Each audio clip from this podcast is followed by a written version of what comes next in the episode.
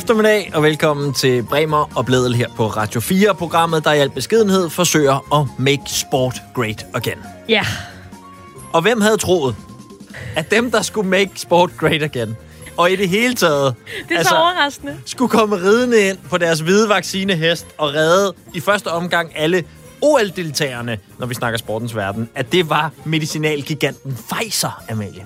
Jamen, altså, øh, jeg har øh, ikke sådan øh, i det daglige specielt meget fidus til medicinalindustrien, tror jeg egentlig. Altså, det er selvfølgelig skønt, at de laver en masse, masse lægemidler, der kan hjælpe en masse mennesker, men derudover... Men de har jo reddet OL for Søren. Altså, Men i altså- sidste uge, der stod jeg og pustede mig op, fordi Magnus Heunicke, han ikke kunne, øh, kunne sende øh, 150 overskudsvacciner afsted. Pfizer, vi har masser. Præcis. Altså, og det er da også rigtigt, at traditionelt set er medicinalgiganterne ikke brandet som de største samaritanere, sådan rent økonomisk i verden. Ej, Men i det her tilfælde, du kaldte det, Amalie, og hvem tog røret i den anden ende? Det gjorde Pfizer og sagde, Hallo? hvem har brug for hjælp? Med en eller anden syrisk, eller øh, accent fra, øh, fra Schweiz, forestiller jeg mig. ja. Nå, det er selvfølgelig rigtig fedt. Og i det hele taget, så tænker jeg bare, altså, menneskerne hos Pfizer, altså, de har den sygeste overhånd kørende for sig i øjeblikket. De andre vacciner, der findes på markedet, giver blodpropper. Det Ja, er ja. jo at være meget godt sådan, for konkurrencen. Øhm, de har lige, øh, så jeg, opjusteret deres omsætning på vaccinerne alene. Altså, glem, hvad de sælger på at øh, sælge Viagra-piller. Ja, men det er og- også noget med, Pfizer sælger en anden pille, der vist også er meget god. de har masser af ting på hylderne, ikke? Men glem alt det, og så bare, hvis man fokuserer på vaccinerne, så er de gået fra at opjustere deres omsætning fra 93 milliarder til 161 milliarder kroner. Også en chat, Ja. tænker jeg, sådan i det store billede. Altså selvom der er jo mange penge på spil i medicinalindustrien, men det kan alligevel lidt. Jeg tror selv, Pfizer bukker sig ned på gaden efter 161 milliarder kroner, hvis de ligger der. Ja, og det er jo også grunden til, at øh, deres øh, CEO, han var ude at sige, øh, frit oversat her, altså flere øh, 100 millioner vacciner er allerede blevet sendt ud i hele verden, og vi har mere end 100 millioner øh, flere vacciner klar. Så øh, vi er fast besluttet på at hjælpe med at øh, få overstået den her pandemi og få verden tilbage til øh, normal tilstand. Ja. Og jeg er jo, altså, hvis jeg nogensinde skulle tilslutte mig en øh, religion eller en sekt af en eller anden art, øh, ham døden i spidsen, så er jeg der. Præcis. Fed fyr, fed fyr. Ja, ja. Så, altså, han glemmer lige at sige, det koster selvfølgelig også lidt, men sådan Ja. er det. Men det gode er jo nu, at nu kører, at de lige i øjeblikket, der kører de jo lidt en pressestrategi, Pfizer, der hedder, altså, julemanden bare inden for øh, coronavacciner, ikke? Nå, hvad siger I nede i Indien? Nogle fattige mennesker der. Her, tag lidt. Så gå- på weekend med lidt vacciner har for os. flere hundrede millioner. Ja, præcis. Hvad for noget? OL-deltagere. Kan I ikke finde ud af det med jeres regering? Tag lidt for os også. Ja, der er masser af sportsfans, der er trætte af, at hvis OL ikke kan blive afholdt. Ja. Guys, vi har jer, ikke? Præcis.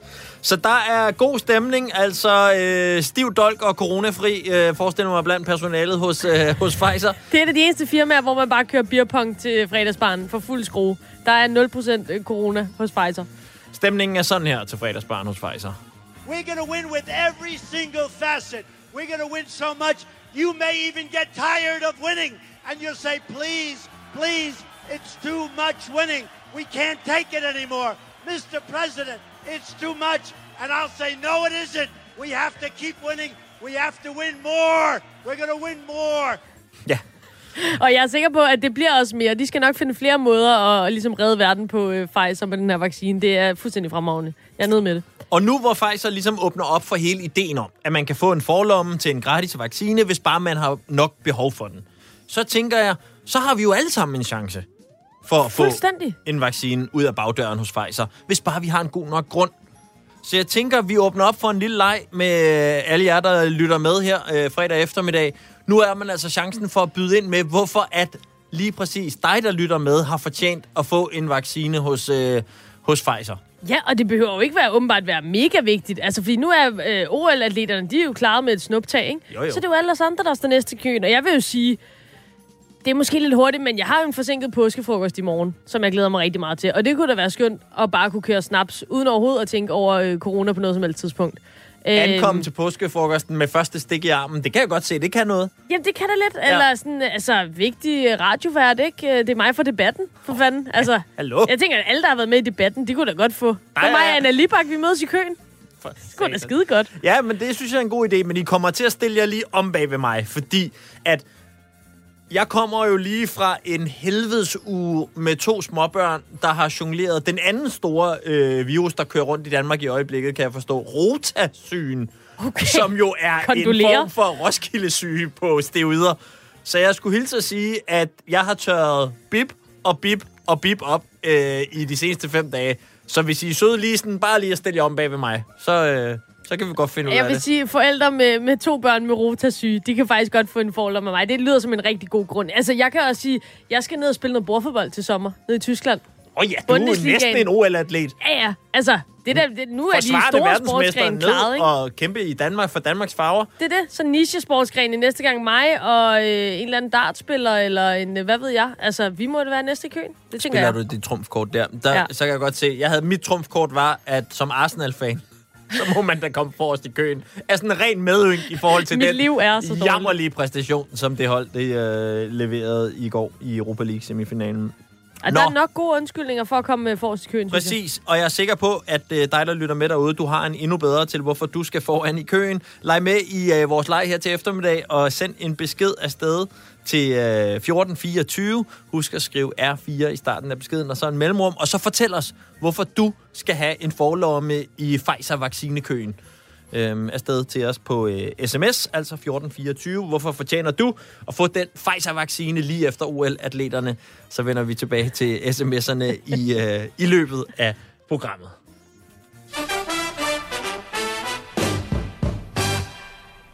Du ved du, hvem der er blevet fundet?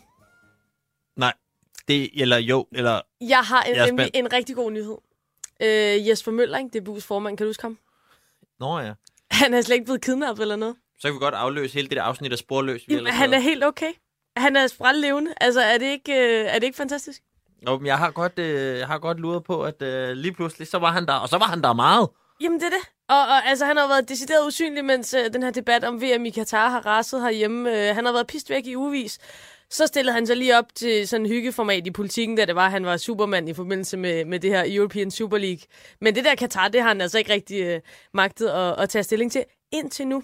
For i går, der holdt øh, Jesper Møller, manden selv, øh, pressebriefing ude hos DBU øh, i Brøndby. Og man kan måske lige forklare folk, altså det fungerede sådan, at vi fik en, øh, en mail om onsdagen, om at øh, nu er der pressebriefing. Der er pressebriefing i morgen. I har et øh, nogle af 20 timer til at, at stille med nogle folk. Alle dem, der Øh. har efterspurgt et interview med Jesper Møller, I kan møde op herude. Ja, til sådan en samlet form for audiens, Ja. øh, kan man sige. Det lyder måske øh, som om, at jeg er meget farvet her. Og det er jeg også. Men øh, ikke desto mindre. En, øh, en form for, for audiens ude hos Jesper Møller. Kom til mig alle sammen i en øh, samlet flok. Og så skal jeg nok sige, hvad jeg øh, mener om den sag. Men dog også med mulighed for at stille ham spørgsmål, som jeg forstår det. Yes. Men det bliver vi klogere på lige om lidt. Det var der i hvert fald. Og en af dem, som var øh, mødt op ude øh, hos DBU for at stille spørgsmål, det var dig, øh, Dan Grønbæk, vores øh, gode kollega her fra Radio 4, vært på fodboldprogrammet 4 på foden. Og sikke en fest, vi havde. en fest, I havde. Øh, ja, altså først og fremmest, apropos fest, altså vil jeg da høre dig, øh, hvordan var stemningen ude hos øh, DBU i går? Jamen, den var god. Altså, jeg vil sige, at Jesper Møller var i, i godt humør. Altså, han havde glædet sig, øh, tror jeg. Det bilder jeg mig derind. Altså, mm. øh, han, han virkede til at være... Der blev jo både joket lidt og øh, så videre. Han var ked af, at han ikke kunne gå rundt og trykke os i hånden på grund af de her coronarestriktioner selvfølgelig. Så han, øh, han satte sig på plads, og så, så havde han ellers øh, 45 minutter, øh, hvor vi kunne få lov til at skyde.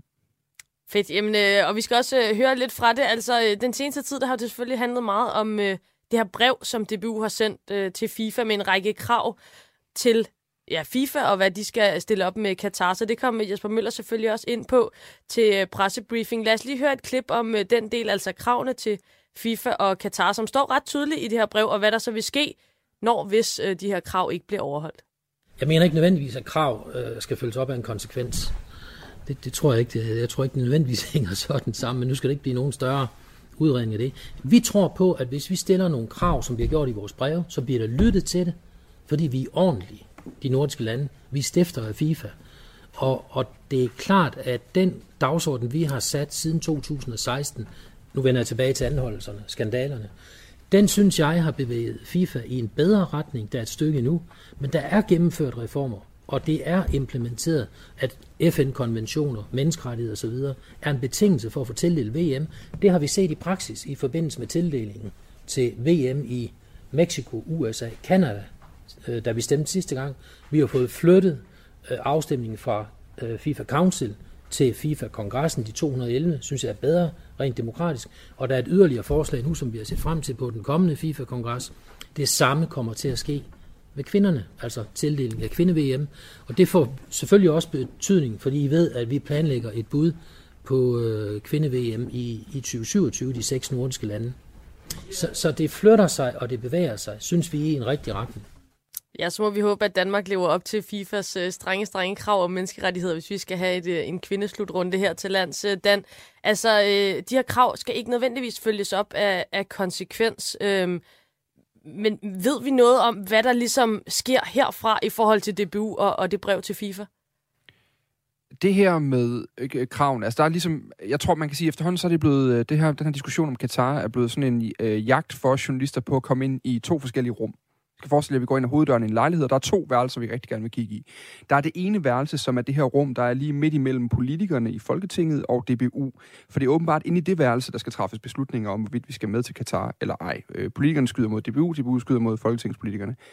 Men øh, så er der også et andet værelse, som er det her øh, rum, der er lige midt imellem, at vi boykotter og bliver væk og er trælse og, øh, og ikke opfører os ordentligt, som Jesper Møller er inde på her, og så det, at vi dukker op og bare smiler og er glade til en, øh, til en åbningsceremoni i Katar.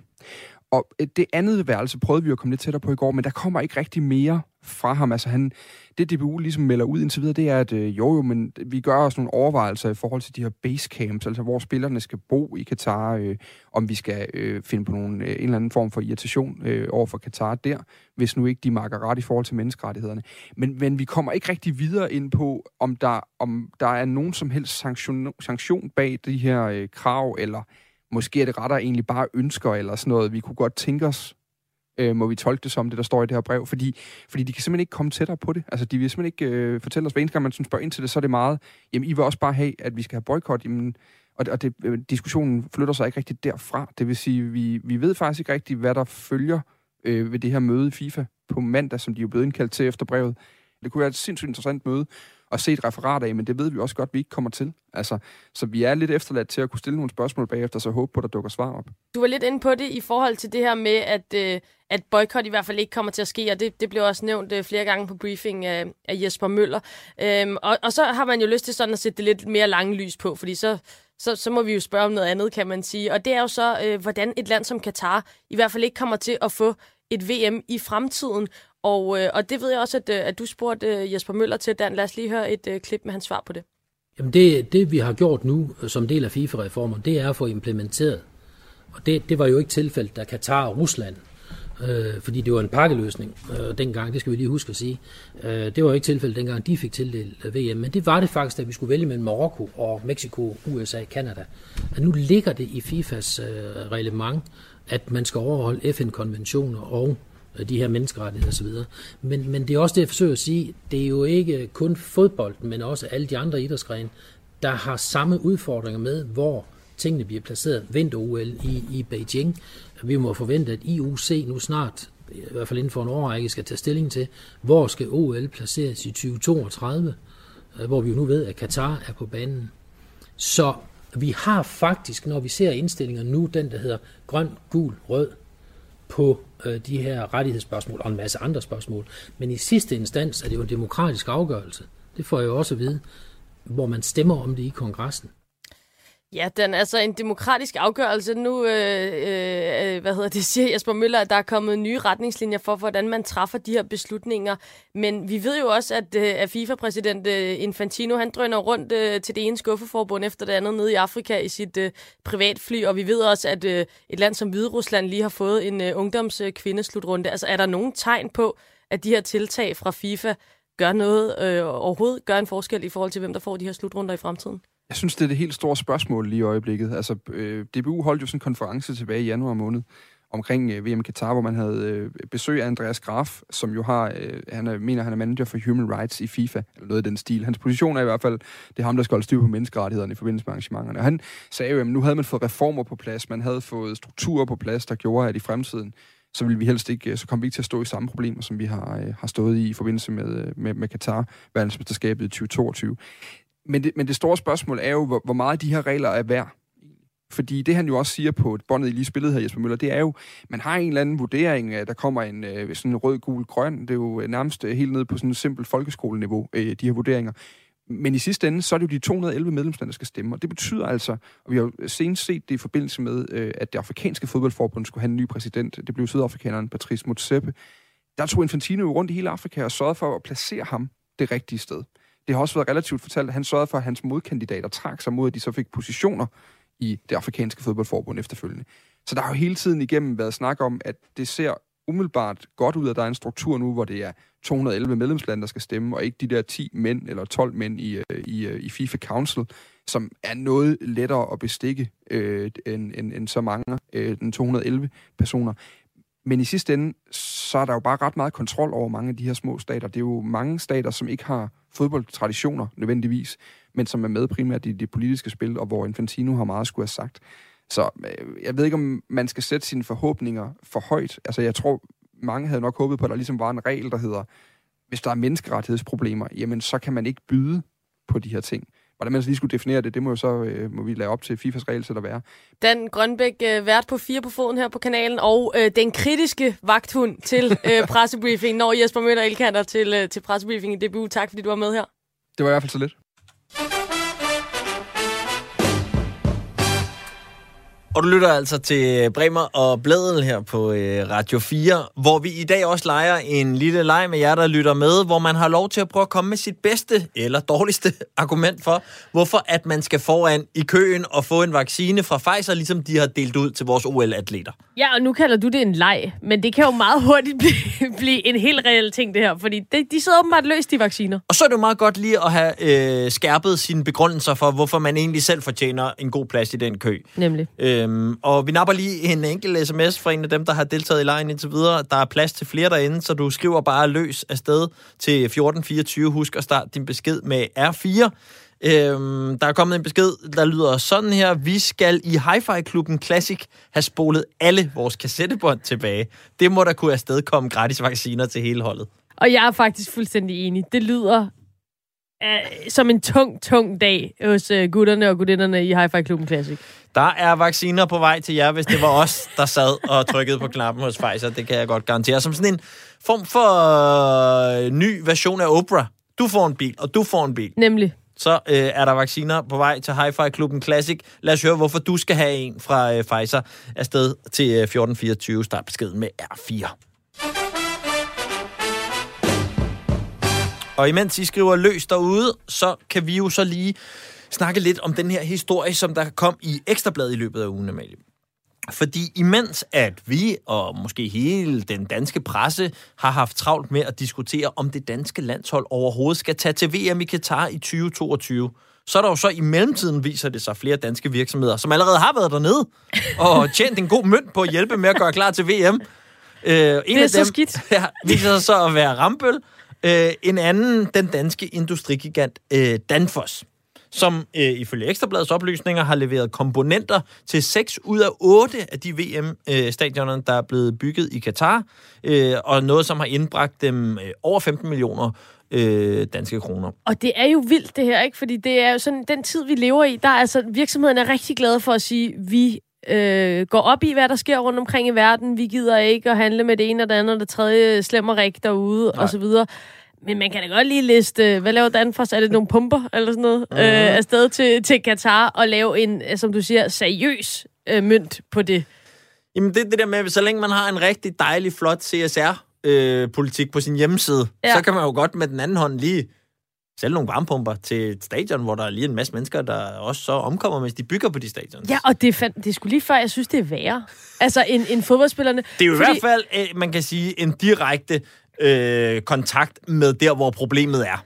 Ja, og selvfølgelig, at hvis Rambøll ikke, Rambøll ikke havde øh, tegnet det stadion ned til Katar, så var der formentlig et, an, en anden virksomhed, der havde gjort det, men det skal man da ikke gøre. Skal man hver- da ikke? Man skal da sige, at vi I hvert gider fald, ikke i tegne hvert det fald synes stadion. jeg, det er sjovt, at man... Øh, og det kan, der kan jeg godt forstå, hvis DBU sidder og har det sådan lidt nogle gange. Altså, alle i verden skyder på os, at vi skal boykotte. Altså, du ved, Så Ja, står øh, altså Christian Eriksen og de andre sådan lidt, øh, okay, så skal vi lige pludselig være eksperter i det. Mens at kæmpe store danske virksomheder, de bare øh, i mellemtiden er i fuld gang med at bygge de stadions og Mm. øh, deltager. Øh, så forstår jeg godt, at man som DBU eller fodboldspiller kan sidde og sige, "Ah, okay, det er nødt til at være sådan lidt over den brede linje, vi boykotter her. Det giver jo ikke nogen mening, hvis alle andre bare har en fest omkring det, og det er så os, der ligesom skal være de eneste, der melder fra. Øhm, men altså, øh, Danfoss har jo selv sagt, at de har skrevet Hvad har de under, sagt? de har sagt, at der er blevet skrevet under på øh, sådan nogle standardkontrakter i forhold til at leve op til nogle principper i noget, der hedder Global Compact. Og det er sådan en meget, meget generel beskrivelse af, at hvis man har skrevet under på dem, så ved man også som virksomhed, hvis vi laver business med jer, så har I ikke gang i noget fuldstændig frygteligt. Øhm, problemet er så bare i mellemtiden, at Amnesty har været inde og sige, det er slet ikke nok, at man har skrevet under på de der kontrakter, og det ved alle, der handler internationalt godt. Øh, og når man handler med et land som Katar, så skal alle alarm øh, lamper ligesom køre, og man skal måske sætte sig lidt bedre ind i præcis, hvad det er, man kommer til at være en del af. Nå, men øhm, altså Ekstrabladet har jo forsøgt sig med en række spørgsmål til Danfoss. Både øh, for at få et interview, og så bagefter på skrift. Og øh, Danfoss er der også kommet med et svar, og her skal man altså virkelig slå lyttebøffer ud, fordi der er, en, der er flere genialiteter gennem det der. Jeg vil sige, at det her det er en lille masterclass i, hvordan man kommer ud af nogle rigtig irriterende problemer og spørgsmål. Det kunne man nemlig sagtens lære noget af. Svaret fra øh, Danfoss på Ekstrabladets henvendelse lyder sådan her på skrift. Vi lytter til kritikken fra Amnesty, og vi tager kritikken dybt alvorligt, da vi altid kan og ønsker at forbedre os. Det er ret svært at svare på de øvrige spørgsmål, I har. Hvilket er årsagen til, at vi svarer på skrift? Det er så fedt. Og jeg tror, at den vil jeg da tage med mig ud i livet. Altså, hvis der er nogen, der spørger mig om et spørgsmål, som jeg ikke helt kan svare på, så siger jeg, det er svært at svare på. Hvis du gider sende mig en mail, så skal jeg nok skrive, at det gider jeg ikke at svare på i mailen. Så får du lige en standardformulering fra mig. Det synes jeg er virkelig, virkelig godt. Og, Ja. ja. jeg, og jeg vil så også sige, altså, udover nu, det er selvfølgelig for sjov alt det her, det er jo totalt øh, lortesvar for Danfoss, men ikke desto mindre, altså, de lægger da disken, øh, svisken på disken. Ja, De siger, det er et svært spørgsmål. Der ser vi, det er det svært for os at svare på, ja. Simpelthen. Ja. Øh, og det er den jo fordi, at, øh, at de ikke har noget super godt svar. Det vil Øh, man, skulle man tro. Og, og, og derfor så, øh, så på en eller anden måde prøver man at holde ud i strakt arm på den måde. Og det synes jeg bare godt, at man kan bruge øh, lidt hen ad vejen. Det tænker jeg, alle kan bruge til noget. Hjemme i privaten. Ja. Over for kæresten. Hvorfor skal du ud igen i aften? Så kan man sige, det er Skat, svært at er du svare sød på. lige at skrive mig en mail på den? Ja, men øh, jeg kan svare på skrift. Det kan godt være, at man kunne bruge den der. Jeg synes faktisk også, det er en lille øh, stikpille til os herinde, at vi lige skal huske, Amalie, at lige give øh, Christian Eriksen og DBU en pause. Jeg siger ikke, vi skal lade dem off the hook. Lige give dem en pause, og så måske lige... Øh, ja, vi kunne godt begynde at ringe lidt til Danfoss. Ja. Øh, og lige høre, what's going on. Ja, og, og Rambøl også, ikke? Jeg synes, den, den, er, den er grim, den der med at tegne sådan en stadion. Fordi det er meget direkte. De har tegnet det stadion, som der så er en masse migrantarbejdere, der skal bygge, og nogle af dem falder altså død om, imens de er i gang med at bygge det her stadion, som Rambøl har tegnet, og tjener rigtig, rigtig mange penge på. Så den, det er altså... Det, det er lidt en svinestreg. Det bliver et løfte herfra, at øh, vi retter øh, søgelyset øh, derhen, når vi når til øh, næste uge her i programmet. Og vi er altså i øh, fuld gang med Bremer Blødel her på Radio 4. Et sportsprogram, hvor vi jo ikke går så meget op i. Nogle gange gør vi, men ikke så meget, om den lige blev 2-1 eller 3-1 i weekenden. Men i stedet så prøver vi sådan at kigge lidt på nogle af de ting, der sker uden for banerne og stadionerne. Og, øh, og der er altså fart på i øh, de her øh, identitetspolitiske tider, som man vil sige, hvis man var 100 år gammel. Men øh, ikke desto mindre, i den her uge, så var der altså en dansk triatlet, top-triatlet, Andreas Schilling. Han var ude og fortælle, øh, hvorfor han har meldt afbud til OL i Tokyo. Noget, der ellers vil være øh, kulminationen, et højdepunkt i rigtig, rigtig øh, mange atleters karriere. Og efter en lang, lang karriere, som har budt på blandt andet seks år i den absolute verdenselite inden for triathlon, en deltagelse ved OL i Rio og et europamesterskab i mixed relay, så sagde du stop, Andreas Schilling, og øh, det var bare lige et par af de ting, som du har opnået i din karriere, jeg nævnte her. OL er jo nok det allerstørste, man kan opnå som atlet, sådan set udefra i hvert fald. Øhm, og du har altså deltaget øh, ved OL i Rio i 2016. Hvor på din sådan top 10 over de største øjeblikke i din karriere er den oplevelse? Jamen, den, den er faktisk ikke engang, øh, den er ikke på min top 10 liste. Øhm, Rio, det var egentlig langt hen ad vejen for mig en, en ret stor skuffelse. Mest fordi, at man, jeg jo, ligesom alle andre nok har fået fortalt den her historie omkring, hvor stort OL var. Og så lige pludselig så står man der, og så synes jeg egentlig ikke, at det, det var ikke øh, noget, der, der ligesom øh, var, var kæmpestort for mig i hvert fald. Og det var jo ikke fordi, at din øh, cykel punkterede, eller at øh, du øh, var ved at drukne, eller noget som helst. Øh, det var faktisk en, en masse andre ting, øh, netop uden for, for, øh, ja, for banerne, som, som gjorde det til en skuffende, skuffende oplevelse. Hvad var det? Jamen, det var meget den her måde, øh, OL var bygget op på. Det, altså, det starter lige fra, man kører fra lufthavnen, og man kan se, okay, øh, der er sat en masse, masse fine banner op, men man kan også godt lynhurtigt regne ud, hvad der er om bag ved de banner. Øh, og det er jo de her favelaer, så det sådan fremgår ret tydeligt, at den her lokalbefolkning, den, dem, øh, dem, dem skubber vi lige lidt væk. Og så havde der været, der var en masse, øh, altså Rio var konkurs på det her tidspunkt, så de havde faktisk ikke råd til hverken skolelærer eller politibetjente eller noget som helst. Øh, så derfor var det ligesom staten, der havde været inde og, og skaffet både soldater og politi, fordi at, at ellers så ville sikkerheden jo sejle fuldstændig. Så det var sådan lidt, det var sådan lidt det, der foregår rundt omkring, og det er ligesom det, man, man går i. Øh, ja, så der var en masse oplevelser på den front der, hvor jeg synes, hvad, hvad er det her for noget? Det er der, ikke, det er der egentlig ikke øh, specielt fedt. Øh, og Andreas, er det noget, der har slået dig på bagkant, efter du er kommet hjem, eller var det også noget, som du gik og tænkte over, øh, mens du var der?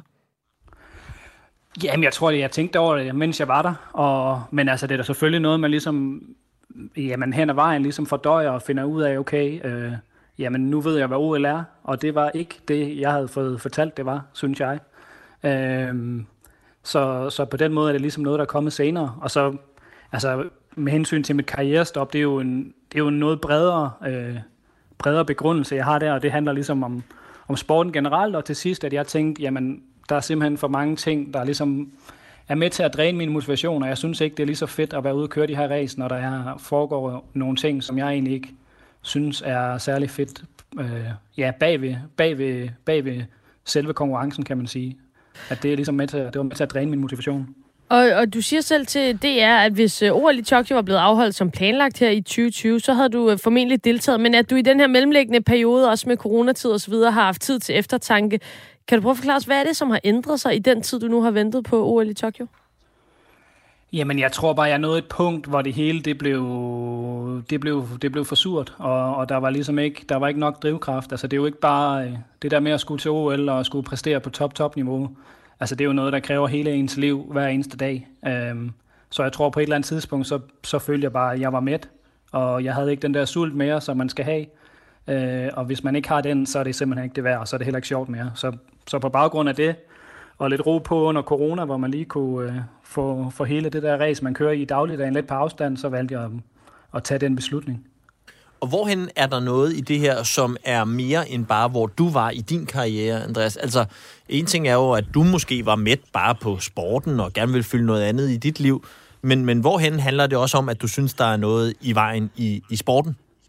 Jamen, jeg synes jo generelt, jeg synes, det er jo mega synd for atleterne. Øh, altså, jeg ved jo selv, hvor meget det kræver at komme til OL. Det er jo noget, jeg har brugt hele mit liv på, siden jeg var 12 år gammel. Altså, øh, og at man så skal stå der og, og så samtidig deal med sådan nogle negative oplevelser. Jeg har også mega ondt af, af fodboldspillerne på vej til Katar, fordi jeg ved godt, altså, de har lidt, øh, de, har lidt, de står lidt sådan, men der, der er ligesom to dårlige muligheder her. Enten så kommer vi afsted, og, øh, og så, er det, så, er det sådan, så er det på bag, baggrund af, af nogle, nogle trælse ting, kan man sige. Og så er mm. det nogle meget trælse ting. Eller også så vælger man at boykotte det og gå glip af nok den største sportslige oplevelse i ens karriere.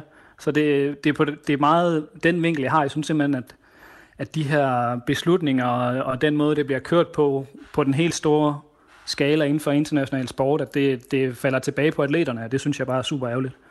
Og nu er du selv inde på fodboldspillerne, som øh, måske skal ned og spille i øh, Katar, og, og det er jo nogle af dem, som er måske svære at få i tale, og nu kommer du så her og, og stiller dig op og siger nogle af, af de her ting. Hvorfor tror du, at det er så sjældent, at øh, vi hører fra atleterne i de her sådan, etiske spørgsmål?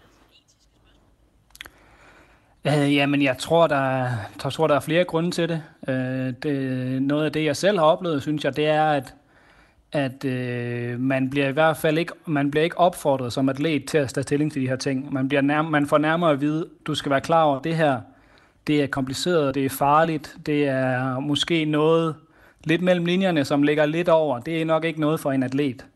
Det er sådan, øh, det, er sådan det indtryk, jeg har fået, og det gør, at der skal rigtig meget til, før man som atlet når et sted, hvor man har gjort sig nok overvejelser til, at man så også tør at gå ud og, og ligesom stå på mål for sin mening. Øh, og det er jo noget for mig personligt, jamen det har da også taget mig hele min elitekarriere på, øh, på 10-12 år, inden man ligesom når til det sted.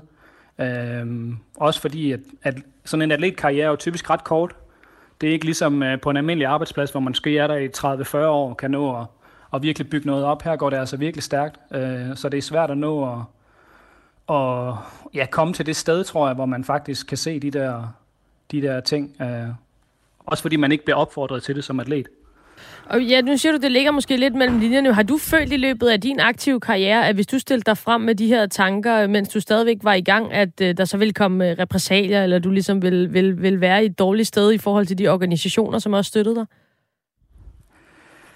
Nej, jeg vil ikke tage den helt derud, men jeg synes, at, at, at det er nok lidt et problem, at man, man har så stor berøringsangst øh, inden for, for sporten, og, og virkelig ligger ret, fra ret unge, får man at vide, jamen du skal nok, det er nok bedst, hvis du blander dig ud om de her ting. Øh, og det gør så også, at man ender op med atleter, der, der nok synes, det er rigtig svært at faktisk få taget stilling til de her ting. Øh, så det er jo ikke sådan, der har været trusler eller noget som helst. Øhm, det er mere det er mere, at man ikke, øh, ja, at det, ikke, øh, det ikke bliver taget seriøst, og at også er tilbage på atleterne selv. Atleterne er ikke særlig gode til at organisere sig og samle sig, og det er da noget, ja, som jeg synes er, er super ærgerligt, og som jeg kan se, at det har nok gjort en stor forskel øh, nu. Og Andreas, oplevede du, at der bliver talt om det? Altså atleterne imellem, både i en OL-lejr eller med dine direkte kollegaer inden for din sport. Er det så noget, at snakken går i omklædningsrummet om det her, eller er, den, øh, er der slet ikke noget? Jamen det, jo, jeg synes egentlig, jeg har snakket med mange atleter, og jeg har egentlig, og det der har det jeg også har ja, studset lidt over, det er det her med, at jeg har snakket med rigtig mange også tidligere atleter fra andre OL, og jeg har faktisk rigtig mange gange hørt den der, nå ja, OL, det var jo egentlig ikke så stort.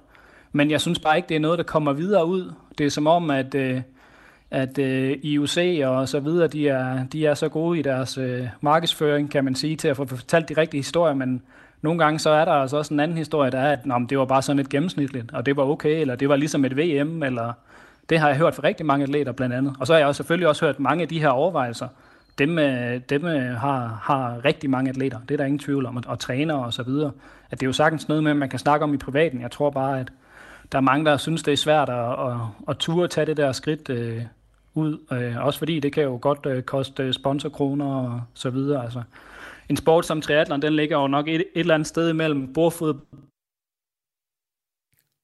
Ej, der røg vi lige. Så, Andreas, du røg lige lidt forbindelsen. Den øh, driller os lige lidt her. Kan du høre os?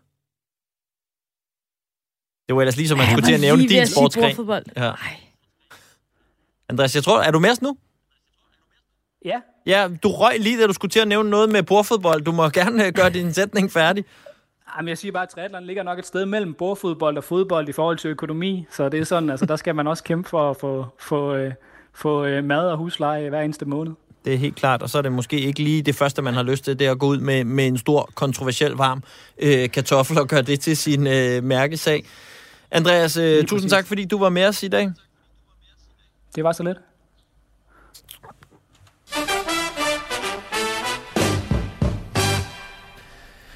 Og så skal det handle om en ny folkebevægelse, vi har fået her til lands. I manifestet hos øh, folkebevægelsen, der står der blandt andet følgende. VAR har affortryllet fodbolden. Klimaks er blevet til antiklimaks. Et mål er ikke længere et mål. VAR er et attentat mod spillet, vi elsker. Og døren til dette mørke kapitel i fodboldhistorien må smækkes i nu. Vi vil have rullet var tilbage og ud af den danske Superliga, står der blandt andet i, øh, i manifestet. Og det er jo vand på vores mølle. Ja, jeg siger bare hørt. Ja, øhm, altså øh, jeg kan huske tilbage i øh, december sidste år, hvor jeg forsøgte at sætte ord på mine frustrationer omkring var her i programmet. Ja, og der var jeg jo stadigvæk sådan lidt ja, der var var apologet. Ja. Altså, og det er jo en mørk periode af mit liv. Jeg vil gerne sige undskyld, og, og simpelthen ja. bare... Øh, du bare har været sige, igennem et exit-program, og nu er du ude på den anden side. Du er ude på den anden side. Jeg du har set ikke lyset. med varebaglandet længere. Nej, det gør jeg altså ikke. Øh, Var-mafiaen, øh, mine venner, øh, tidligere venner i Mar- ja. Var-mafiaen, de er, øh, de er skibet ud. Jeg har slettet dem fra telefonbogen. Jeg er, over, jeg er med nu. Ja. Nå, som sagt, tilbage i december sidste år, der forsøgte jeg at sætte lidt ord på mine frustrationer omkring øh, VAR. Vi kan lige høre en lille bid af det her. For havde VAR fandtes den dag i Jytteborg i slut juni på Ulevi Stadion. Uh. Så var der blevet dømt frispark på Andreas Breme, og faktisk havde aldrig ramt den lige i røven. Og VAR havde uden tvivl også overset, at Kim Wilford er fodboldens største gentleman, og så alligevel døbt Hans på hans 2-0-mål i finalen. Og så, mine damer og herrer, så havde Danmark aldrig nogensinde vundet EM i fodbold. Danmarks største sportsbegiv nogensinde havde været forsvundet. Og hvad der er endnu værre, så havde vi aldrig nogensinde oplevet Flemming Toft føde dette udtryk. Ja, ja, ja, ja, ja, hund, hund. Og det ser ud som om, det er slut. Det er slut. De har gjort det igen. Det danske fodboldlandshold. Dansk fodbold. Største triumf er en kendskærning. Cifrene har vi her. John Jensen, Kim Vilfort, målscorerne 2-0 over verdensmestrene i denne EM-finale. Og sådan ser det ud, når man har det godt. Ja. Tillykke Danmark. Men vi er røde, vi er hvide. Det kan godt være, at jeg tog den for langt. Men jeg tror, vi har besøg i øh, studiet nu af to herrer, der måske mener, at det var lige tilpas. Det er nemlig øh, de to journalister på øh, bladet Euroman, som har startet Folkebevægelsen mod VAR. Magnus Kraft, som er med os i øh, studiet i øh, Studiestræde i øh, Aarhus. Velkommen til. Goddag. Og Oliver Bodt Larsen, der er med for vores øh, studie øh, her. Velkommen til. Hej, så jeg, jeg tror, Det er det, er, det er omvendt. Det er mig, der er Magnus Kraft, og jeg er med i København. Og Oliver ja. Bod Larsen, han er med i, øh, i Ja, Aarhus. Det er nemmere, at jeg siger det omvendt, end at I bytter Ja. plads. For det, det tager noget tid. Ja, men jeg sidder, i, jeg sidder i Aarhus i mit helt eget studie. Det er rigtig hyggeligt. Det lyder Fedt, godt. Det er de her coronatider, så installerer man øh, en gæst i hver sit studie, i hver sin så landsdel. langt Det er rigtig smart. muligt. Nå, øh, dreng, altså lad os lige starte med at høre, altså grund, den grundlæggende tanke med VAR er jo at eliminere noget snyd, øh, og, nogle, altså, og på den måde ligesom få elimineret noget, der ikke følger reglerne. Mm. Øh, det er vel egentlig et meget nobelt formål. Er I ikke med så længe, eller hvordan? Jo, der er utvivlsomt øh, ting ved VAR, som er nobelt, som du siger, men problemet er, at det eliminerer også noget, som er meget vigtigere, nemlig den her spontane måljubel. Det er sådan det, vores grundlæggende anke mod VAR. Det er, at øh, det er det her magiske måløjeblik, simpelthen forsvinder, fordi alle mål skal ses igennem for, for potentielle forseelser. Og det er faktisk, det lyder banalt, men det er faktisk et meget, meget stort problem. Hvor stort et problem? Det er så stort, at, øh, at det er på tide at starte en folkebevægelse mod det, faktisk. Altså, øh, øh, man kan sige, vi synes jo, at, VAR er en mere end almindeligt ringe tilføjelse til spillet, og så har vi jo også noteret os, at det er vi ikke de eneste, der synes, som I også talte om. Og øh, så, har, så har debatten om VAR jo tidligere været præget af, at VAR er sådan en ting, som, som er kommet for at blive. Og så må vi ligesom tilpasse fodboldloven eller, eller, eller vores forståelse af spillet til det. Men det vil vi gerne gøre op med. Altså, vi tror, det er på tide at have en, en samlet modstand mod VAR, øh, hvor vi kan stille spørgsmålstegn ved, om det overhovedet er en god idé at have det her system. Vi har selv ligesom etableret, at VAR var en god idé. Vi kan også godt rulle det tilbage, hvis vi synes, at det er en tilpas dårlig idé, og det er det. Så det er simpelthen, øh, Oliver, øh, målet, altså ikke bare at få tilpasset var, det der med, ja, som du siger, Magnus, altså, jamen, så må vi gøre det bedre, og nogle steder fungerer det jo okay. Altså, det skal bare helt væk, eller hvad, Oliver? Ja, øh, fuldstændig helt væk. Og det, det er jo lidt, øh, som Magnus jo siger, og som I jo også har sagt, øh, er det jo, at, at VAR kan jo blive meget, meget bedre, end det er nu. Øh, og ja, formålet er meget nobelt, men det er selve tilstedeværelsen øh, den der tvivl, der bliver lagt ned over hvert et øjeblik, der simpelthen er ødelæggende. Øh, fordi det bare fylder en med altså, apati. Når man sidder, man ved ikke rigtigt, om man skal juble, og så bagefter, så, så bliver det godkendt, og så sidder man lidt tilbage og siger, yes, og så har man sgu ikke rigtig fået den der, det der sus i maven. Så det, så det er simpelthen uagtet dets form, så, øh, så er var noget skidt. Og kan I mærke, at det gør noget ved jeres helt eget personlige forhold til fodbold og til at se fodbold? Ja, skal jeg svare, Magnus? Det må du meget tale gerne. Det må hvad? du meget gerne. Øh, jamen helt klart, det er, øh, som jeg lige nævnte, øh, ordet apati, jeg fyldes med, når jeg, når jeg tænder på fjernsynet derhjemme. Øh, og, og en ting er ligesom de hold, man selv holder med dem, men også bare helt generelt, når jeg sidder og ser fodbold, så synes jeg, at det er, det er sådan en bedrøvelig fornemmelse, man sidder, man ved sgu ikke rigtigt, hvad der sker, og, og, og det der flow, det der sådan, det der utrolige flow, som, som fodbold jo kendetegnes ved, hvor det bølger frem og tilbage, bliver fuldstændig suget ud. Der er, der er ikke noget mere tragisk, end at se en, en angriber lave en smuk scoring og glide ud på sine knæ ned mod hjørnefladet, kun for at scoringen så bliver rullet tilbage. Det er ligesom de der følelser, der bliver, der bliver taget ud af spillet langsomt, men sikkert. Det skulle lige være, at han faktisk ikke helt glider, fordi han har travlt med at stå og kigge over og se sådan på overskulderen Og om det, er jo, dommeren. og det er jo præcis det, vi, øh, vi ja. begynder at se nu. Altså, at øh, nogle af de her følelser i, i, i spillet bliver, bliver flået ud. Nu, øh, nu var jeg selv i parken i mandags, det går også ud fra, at du var Amalie, ikke? Altså, nu, øh, nu stod vi helt nede øh, længst fra, fra det mål, hvor Victor Nielsen scorede til 2-0. Hvis man så kampen, vil man kunne genkalde sig. Det var sådan en meget hektisk scoring med mange, øh, meget pingpong inde i feltet, inden Victor Nielsens hoved skrabede bolden over mål. Og der stod jeg selv og alle dem, jeg stod med, med sådan en 20. fornemmelse af, fedt, FCK har bragt sig foran 2-0, men lige om lidt, så finder vi ud af, at der har været hånd på bolden, eller der har været offside, eller der har blevet begået en forseelse af en art. Det er en meget, meget trist fornemmelse. Ja, det er faktisk lige ved, at den, den glæde, man engang havde ved at se et mål gå ind, den får jeg nu for eksempel, hvis FCK får et, et scoret mål, så kan jeg sige, at det bliver, ja. der kommer en var på. Så lige før jeg kan komme samme sted hen i følelsesregisteret, men alligevel ikke helt, det vil jeg øh, godt medgive. Øhm, jeg synes jo, det... Ja, jamen, jamen, jeg, jeg, jeg tror bare, jeg er sådan... Og jeg, jeg vil jo så nødig lyde som den her var-positivist. Altså, det vil jeg virkelig ikke. Men jeg får alligevel lyst til sådan... Jeg tror, hvis man tænker tilbage på før var, der kunne man godt nok også blive frustreret. Og mm. også nogle af de samme følelser, I talsætter her. Altså, blive så træt på fodboldspillets vegne, når der var noget, der ikke blev opdaget. Øh, fordi at dommerne simpelthen ikke øh, i nogle tilfælde er dygtige nok, eller et eller andet. Altså, der må der være en eller anden, øh, en eller anden mellemvej, på en eller anden måde. Nej, Eller var du på vej med noget godt, Magnus? Jeg var, jeg var ved at sige det samme, så du kan bare fortsætte. Der vil jeg sige, fortsæt endelig, for jeg er meget på dit hold der, Oliver. Altså, at, jeg må uddybe for romantikken er jo også, at der er nogle fejl, er det ikke rigtigt? Jo, nej, uh, vi skal passe på med at gå derned. Øh, Hvor nej, nej, vi så? altså, jo, men altså, fodbold er jo også et spil, der står på skuldrene af nogle, nogle gode fortællinger og myter, og, som også er blevet skabt af ulovligheder. Der er jo nogen, der kender en vis argentinsk øh, hånd. Øh, men men øh, det er lige vigtigt for Magnus og jeg at understrege, vi er ikke fortalere for, for dommerfejl. øh, der er egentlig ikke noget smukt i det. Øh, men nej. Svaret er nej. Altså, der Dommer, er simpelthen ikke en mellemting. Dommerfejl er jo et, et nødvendigt onde, vil jeg sige, ikke? hvis man skal have det, det ultimative fodboldspil. Øhm, så, så, øh, så det er jo selvfølgelig rigtigt, at det er utrolig bittert, for eksempel at se uh, ens hold tabe en vigtig kamp på baggrund af en dommerfejl. Men hvis det til gengæld betyder, at man har kunne jo juble uhemmet, da ens hold så bragte sig foran tidligere i kampen, så er det faktisk en, en god byttehandel, vil jeg sige. Vi vil jo så også lige øh, knytte en kommentar til det med dommerne, at, øh, at dommerstanden herhjemme kunne man jo godt øh, opkvalificere og passende bruge lidt penge på, i stedet for at investere i videokameraer og hele det her ret så omkostningstunge varesystem. Nemlig. Ja, det kan så... vi da godt øh, lige altså, kippe med fladet for, fordi det er jo ikke helt billigt, det her var, og det er jo mange år, vi har hørt på, at man altså ikke havde råd til at have fuldtidsprofessionelle dommer og sådan Jamen, noget. Der så der kunne man, man måske... lige pengene, ja. Ja, det gjorde man godt nok lige. Jeg ved ikke, hvor de kom fra. Men øh, vi er jo mange sofakrigere, der længe har siddet og råbt øh, af skærmen og kastet vores hjemmesko efter, når, der er, øh, når VAR bliver kaldt ind over. Og derfor er det jo dejligt ret, der så kommer nogen, hvor med et, øh, bare navnet Folkebevægelsen mod, hvor jeg tænker, her er der noget handling bag. Det er sgu noget andet end nogle drenge, der bare slår noget op på Instagram, og så ser, hvad der sker.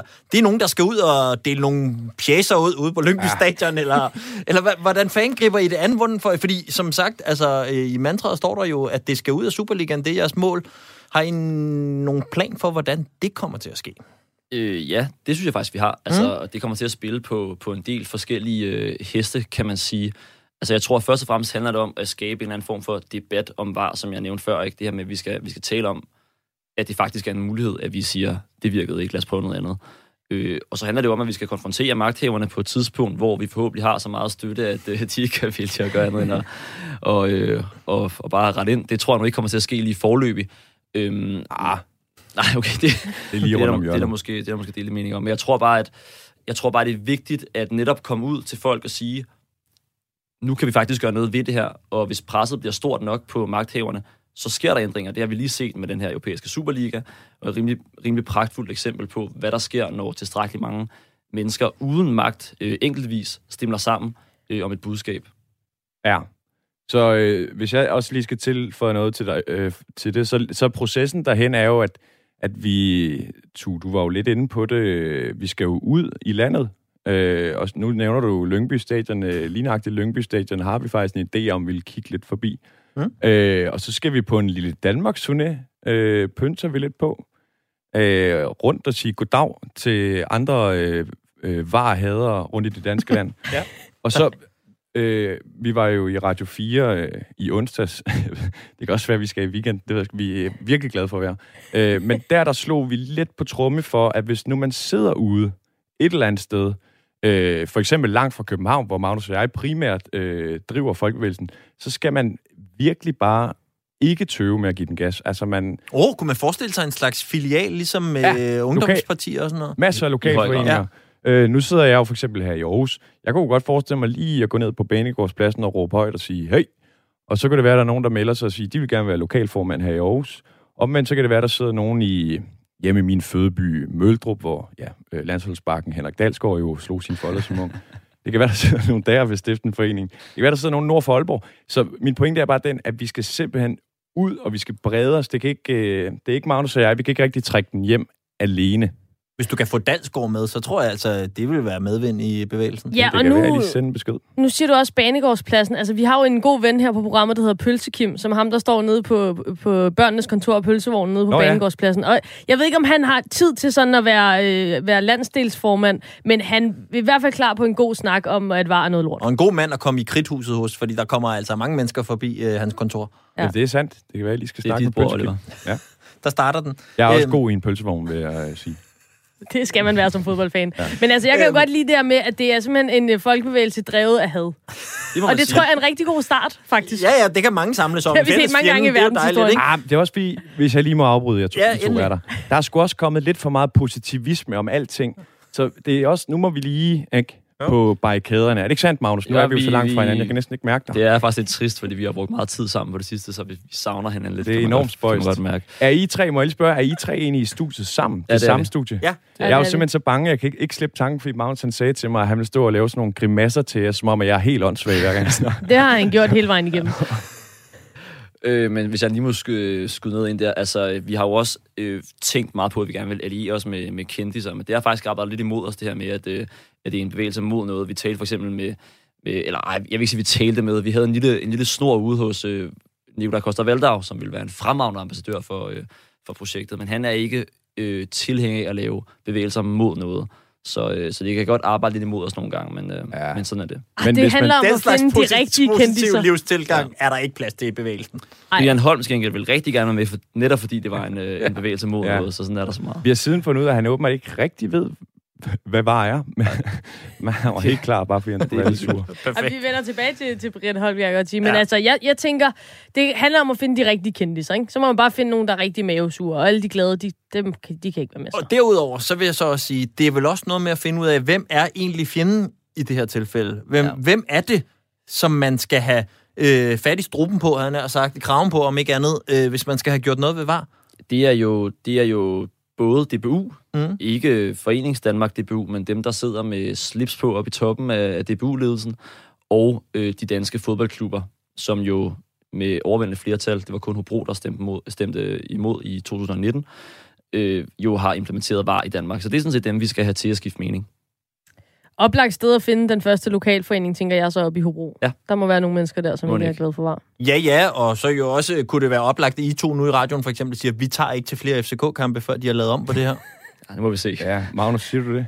Kan vi lige få den, Magnus? Øh, Det vil fandme stå stærkt her. Stop det. Ja, det siger jeg ikke. Nå, okay. Og, men det, det vil jeg også sige, altså, øh, jeg kunne godt tænke mig, at vi kunne vise, at man uden at gå til meget, meget drastiske længder, som vi så med Super League, hvor folk nødvendigvis behøver at stimle sammen på gaderne, bare det, som kan give udtryk for, vi synes, det her er noget forbandet bras, skal vi ikke, øh, skal vi ikke komme af med det? Så du taler os ned, Var, Magnus. var det sløjt? Okay, Oliver, han er helt klar over i Aarhus. Han har Ja. bare siddet og malet banner hele formiddagen. Ja, og jeg sådan sidder. Det er med virkelig krigsmaling på kinderne. Ja. Det er rigtigt. Der er en, der ligesom har taget træforken med, og den anden anden er sådan lidt mere, ej, kan vi ikke bare mødes Det og snakke mail. om det? Ja. Nå, under alle omstændigheder, vi ønsker jer i hvert fald øh, rigtig meget held og lykke med projektet, og hvis man øh, vil støtte op, så kan man... Man kan gå ind på euromain.dk-var, og der kan man læse en masse ting om, hvordan man kan hjælpe, for der er mange måder, man kan hjælpe på. Så øh, fyr derind, hvis man deler øh, Oliver og øh, Magnus' øh, passion for at få øh, var ud af dansk fodbold i, øh, i første omgang. Og øh, til lige at runde det hele af, så har vi jo altid, så går vi jo altid ugens held her i programmet. Oh. Øhm, og vi har faktisk valgt øh, øh, en af jeres ambassadører. Det var så også før, vi fik at vide, at han ikke vidste, hvad han oh. talte om. Det var. Men, okay. men, men nu er, ligger det i computeren, og så kan jeg ikke lave om på det. Og det er så. også et glimrende klip. Så ja. hvis man bare det er sådan set lige meget, hvad han ved, hvad vejer. Han har jo ret i det, han siger. Præcis. Så det kan man lytte til. Fuldstændig. Øhm, vi kårer øh, ugens vinder, når vi lige har sagt ordentligt farvel til øh, Magnus og Oliver. Tusind tak for det. Ja, velbekomme. Tak fordi vi måtte komme. Det må I i hvert fald. Og så er vi ellers klar til at få kåret ugens held, og det kræver selvfølgelig en passende jingle.